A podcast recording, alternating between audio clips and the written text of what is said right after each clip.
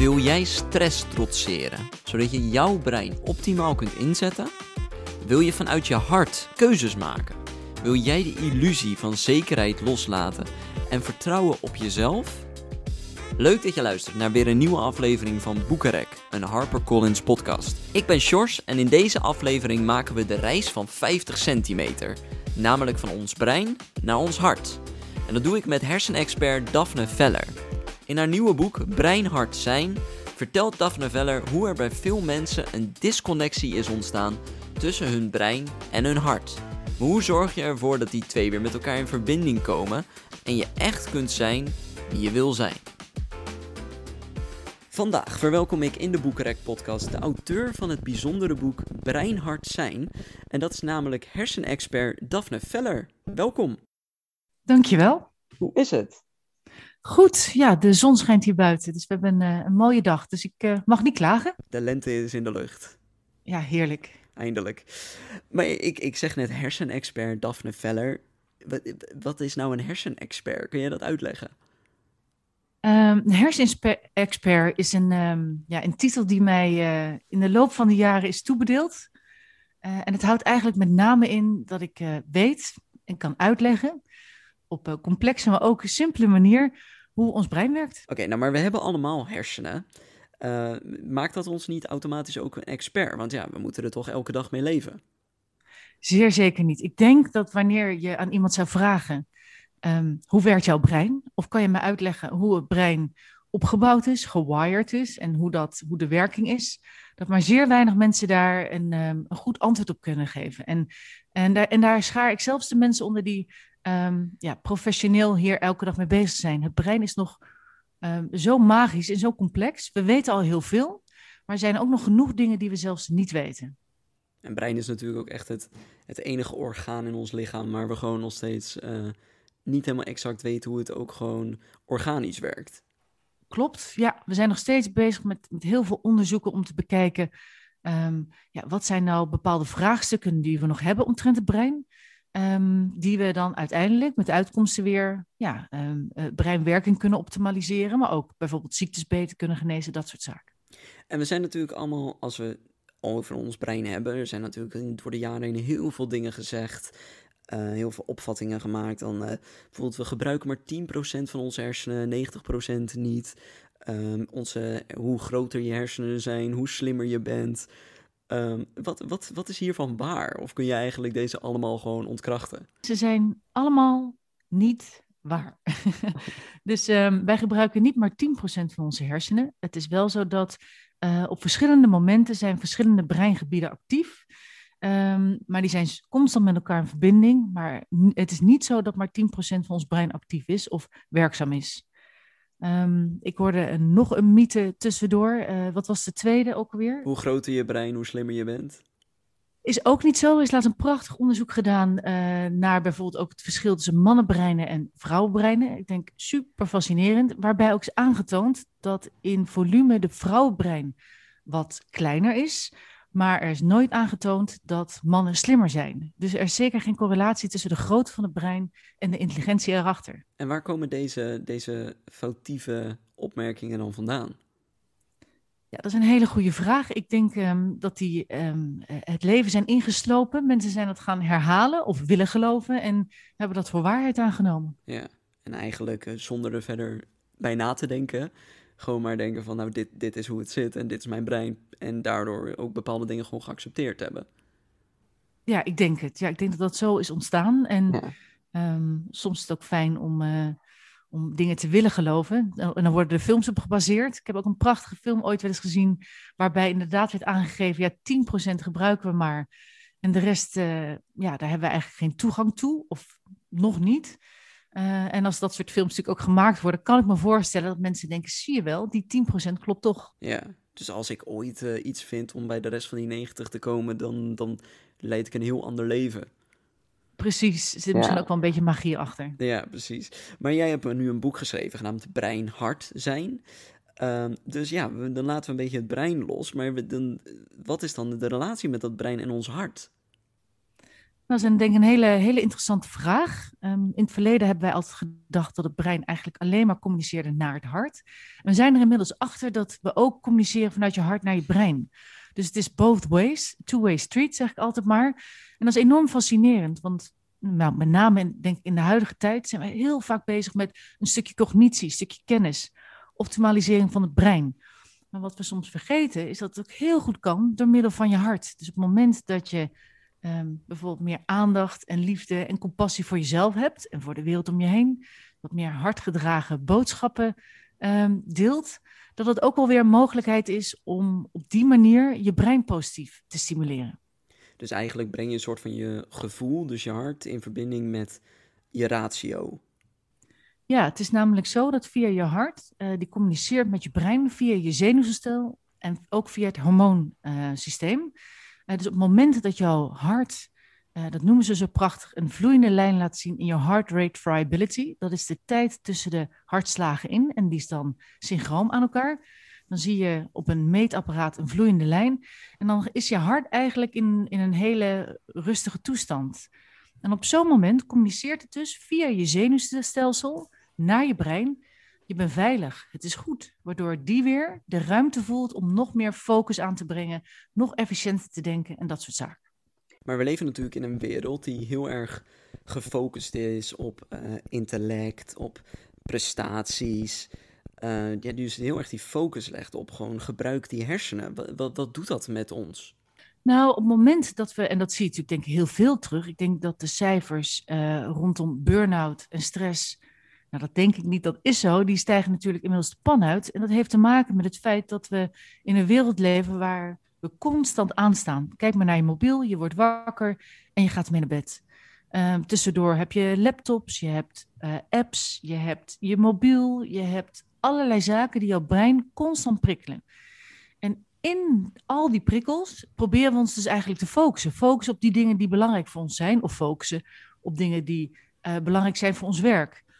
En op een gegeven moment raakt dat brein gewoon overwerkt. En, um, uh, en daar merk je aan dat je uh, stresssymptomen krijgt, zoals minder goed slapen, je wordt prikkeliger, emotioneler, begint dingen te vergeten. Nou, het is een uh, prachtig rijtje van vervelende eigenschappen die je, die je dan, of symptomen die je dan krijgt. Um, dus die focus die wij onszelf opleggen, want dat doen we, um, ja, kan er echt toe leiden dat we eigenlijk allemaal wat sneller gestrest zijn. En wat doet dit hele proces dan uiteindelijk met ons hart? Nou, dat is een, ook een mooie vraag. Op een gegeven moment, op het moment dat jouw brein heel veel cortisol aanmaakt, dat is het stresshormoon, dan zorgt dat ervoor dat je eigenlijk heel veel um, uh, meer hartslagen maakt. Dus je hart gaat sneller kloppen, je spieren spannen zich aan, je probeert je nog meer te focussen. Hè? En in de eerste instantie is dat dus iets goeds, maar als je te veel cortisol aanmaakt, dan wordt het iets slechts. En op die manier heeft stress dus ook zoveel impact op je hart. Want die cortisol zorgt er dus eigenlijk voor dat je hart constant extra aan het pompen is. Uh, het zorgt er ook voor, door de stress, dat je eigenlijk veel minder helder kan denken, maar ook veel minder zacht bent naar jezelf. Dus dat je alleen maar druk ervaart en spanning. En hoe kan je dit dan veranderen? Want ik bedoel, zoals je maakt net voorbeelden als van, je, je, je hebt je laptop, je hebt je mobiel, je hebt uh, een bepaalde stress vanuit werk, verwachtingen. Um, hoe kan je hier dan een balans in vinden? Nou ja, die dingen zijn er nou eenmaal. Ja. Nou, ik denk enerzijds, en, en ik denk dat dat zo mooi terugkomt in mijn boek. Enerzijds is het belangrijk inderdaad om te begrijpen hoe werkt mijn brein? Hoe ontwikkelt mijn brein zich? En welke mogelijkheden zijn er nou om mijn breinconditie te optimaliseren? Um, uh, er zijn heel veel voorbeelden. Een aantal zijn slaap, bewegen. Um, zorgen ook dat je genoeg stilte hebt, zodat je tot rust kan komen. Um, maar anderzijds is het natuurlijk ook belangrijk, oké, um, zorg je genoeg voor jezelf. En dan heb ik het over een stukje self-care, maar ook een stukje kwetsbaarheid. Op het moment dat je dat soort eigenschappen uh, wat beter leert ontwikkelen, um, is het 100% zo dat je eigenlijk als mens een fijner leven ervaart. In plaats van constant die rush en constant die druk. En jij, jij kunnen, dat, kunnen dat versterken als je dat samenbrengt. Ja, want dat, dat noem jij de, in je boek de reis van 50 centimeter van je brein naar je hart. Um, hoe, kunnen we dat doen? En hoe, doe jij dat bijvoorbeeld? Nou, um, het is een hele mooie reis. En soms, um, hij is zo kort, maar hij lijkt af en toe zo lang. blijven we toch veel in die bovenkamer hangen. Veel piekeren, denken, focus die de boventoon voert. En om die naar je hart te brengen zijn er een aantal technieken die je kunt doen. Wat ik zelf bijvoorbeeld doe, is elke ochtend wanneer ik wakker word, noem ik drie dingen op waar ik dankbaar voor ben. Um, wat ik ook doe, is even bedenken, wat is nou het ding wat ik vandaag echt moet doen en waar ik heel erg blij van word. En door die twee te combineren, zorg je dus eigenlijk voor dat je nog steeds die focus aanbrengt, maar je koppelt er een positieve emotie aan en iets wat je echt intrinsiek vanuit je hart graag wil doen. Op het moment dat je dat doet, zorg je dus eigenlijk voor dat je lichaam, je hoofd, je hart in een soort paraatheid komt om eigenlijk dat met veel meer flow te kunnen uitvoeren. En dat, dat heb je vanochtend ook gedaan, neem ik aan. Ja, ja. ja. En, maar jij zegt net, voordat we de podcast opnamen, zei jij van het is een hectische dag en uh, het loopt allemaal, het wordt allemaal een beetje druk en ik uh, vergeet dingen of uh, ik ben niet helemaal voorbereid. dat is dan dus denk ik een momentje ook voor jou dat het dus dat, dat, dat het eigenlijk de stress het een beetje overneemt. Ehm, wat doe je dan om, dat terug, om terug te komen? Dat, dat je dus wel weer naar je hart gaat? Nou, er zijn um, meerdere dingen voor technieken die je kunt doen. En degene die ik heel prettig vind, ik had vanochtend had ik een prachtige sessie voor een klant. En mijn, uh, mijn laptop, um, nou, die liet het afweten. Die had uh, waarschijnlijk een bug, of die heeft waarschijnlijk een bug. En daar zaten toch echt een paar honderd mensen aan de andere kant van de webinar. Um, op zo'n moment voel ik ook wel natuurlijk, oké, dit is een spannend moment. En ik heb echt geleerd, en dat, dat kun je echt trainen om het gewoon even te laten zijn voor wat het is. Van, ik doe mijn best om dit op te lossen uiteindelijk is het ook opgelost, echt letterlijk een minuut van tevoren. Um, en de situatie even accepteren zoals die is, in zijn lastigheid, in zijn moeilijkheid, in, in de drukte eromheen, um, kan heel veel schelen op je mindset. Dus je voelt je al ontspannen van, ja, ik doe wat ik kan en dat is het. En uh, los daarvan bemerk je ook dat mijn stress niet daarvan omhoog gaat. Dus ik, ik ervaar wel dat het een spannend moment is, maar ik voel niet die, eh, die stress in mijn lijf zitten. Gewoon een beetje die, die controle loslaten. Precies, gewoon accepteren dat dit het moment is. En dat is natuurlijk het allerlastigste. Want met name wanneer je in spannende situaties zit, denk je, ja, loslaten, loslaten. Zo makkelijk klinkt het, maar dat is het niet. Het is ook, um, ja, dat is een stukje training, een stukje oefening. Um, maar die werkt voor mij heel erg goed. Zodra ik het accepteer, de situatie zoals die is, uh, nog steeds mijn best blijf doen. Ik zit nog steeds op de focusstand. Maar ik bemerk wel dat ik ruimte genoeg heb. Dat een minuut van tevoren ik gewoon direct toch weer een uur lang een webinar kan geven. Uh, zonder daar stress bij te ervaren. Ja, precies. Kijk, ik heb zelf altijd. Uh, probeer ik altijd, ik zeg vooral proberen, want het gaat de ene keer wel goed en de andere keer niet. Is om dingen bijvoorbeeld heel erg te zien, om dingen met een korreltje zout te nemen. Een soort van wat jij zegt van, als er iets niet volgens plan gaat, dan ook maar te denken van, maar uh, wat hangt hier nou vanaf? Als dit niet goed gaat, wat zijn dan de consequenties? Is dat dan een beetje wat je bedoelt? Dat ook een beetje dat, die, dat het niet zo zwaar laten wegen voor jezelf? Ja, en dat is denk ik een stukje vanuit je hoofd wat heel sterk is. Er zit een stukje mindset achter, wat je nu zegt. Um, een stukje bagatellisering. Hè? En ik, ik geloof er ook heel erg in. Uh, ik zeg tegen mijn kindjes wel eens, wanneer uh, hun pop zoek is, is er iemand dood gegaan? En dan zeggen ze nee, dan kijken ze me aan en begrijpen ze, oh, dan is het niet echt heel ernstig. Um, en um, dat kan heel goed werken. En het kan ook nog een stukje dieper, dat je echt bij je gevoel blijft van het is echt allemaal oké. Um, en dan zak je een beetje af naar het hartgedeelte, wat ook heel veel nou ja, kracht en wijsheid in zich heeft. Dat op het moment dat je ook vanuit je gevoel zegt, het is ook echt oké zoals het is, dan voel je ook dat die stress eigenlijk bijna je niet kan raken. Het is een heel apart, heel apart systeem eigenlijk. Ja. En ik neem ook aan dat, die, dat, die, dat, dat, dat wij in ons hoofd zitten. Dat wordt ook natuurlijk heel erg gevoed door uh, angsten, door onzekerheden. Um, en, en daardoor ga je natuurlijk alleen maar meer in je hoofd zitten. En we leven op dit moment in een tijd waar dat natuurlijk de dagelijkse orde is. Want we leven in een tijd waarvan we elke dag op het nieuws uh, weer horen van hoe, uh, hoe het met corona bijvoorbeeld zit. Of wat voor erge dingen er allemaal in de wereld gebeuren. Hoe ons leven nu weer beperkt gaat worden. Um, ik kan me voorstellen als jij bijvoorbeeld nu webinars geeft uh, en of seminars, dat je, dat je mensen ook krijgt die uh, zich heel erg uh, overdonderd voelen door, door alles wat er zit en misschien wel heel graag terug willen naar dat hart, maar gewoon, gewoon in dat hoofd blijven zitten. Hoe, hoe, hoe kan je kunnen zij ervoor zorgen dat, ja, inderdaad, de derde, de derde punt van jouw boektitel is zijn, dat zij gewoon weer er zijn en niet alleen maar denken? Ja, nou, dat is, een, een hele mooie vraag. Ik denk dat heel veel mensen daar momenteel tegenaan lopen. In mijn boek omschrijf ik verschillende mogelijkheden wat je kan toepassen om, om dat proces in te gaan. Ehm, wat ik zelf een hele mooie vind, want het is heel erg lastig op het moment dat je in een, in een eigenlijk stressvolle, voor je gevoel, voor je lichaam in ieder geval, een levensbedreigende situatie zitten. Zo wordt het toch ervaren door, door je brein.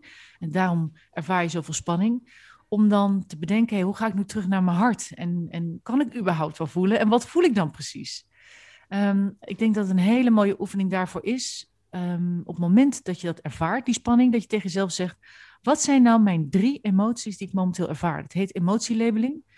Uh, we zijn vaak geneigd om in onze basisemoties te blijven. Ik ben boos, ik ben kwaad. Um, uh, emoties die makkelijk op te noemen zijn. En om iets even iets dieper te graven. Misschien ben je wel teleurgesteld of onzeker?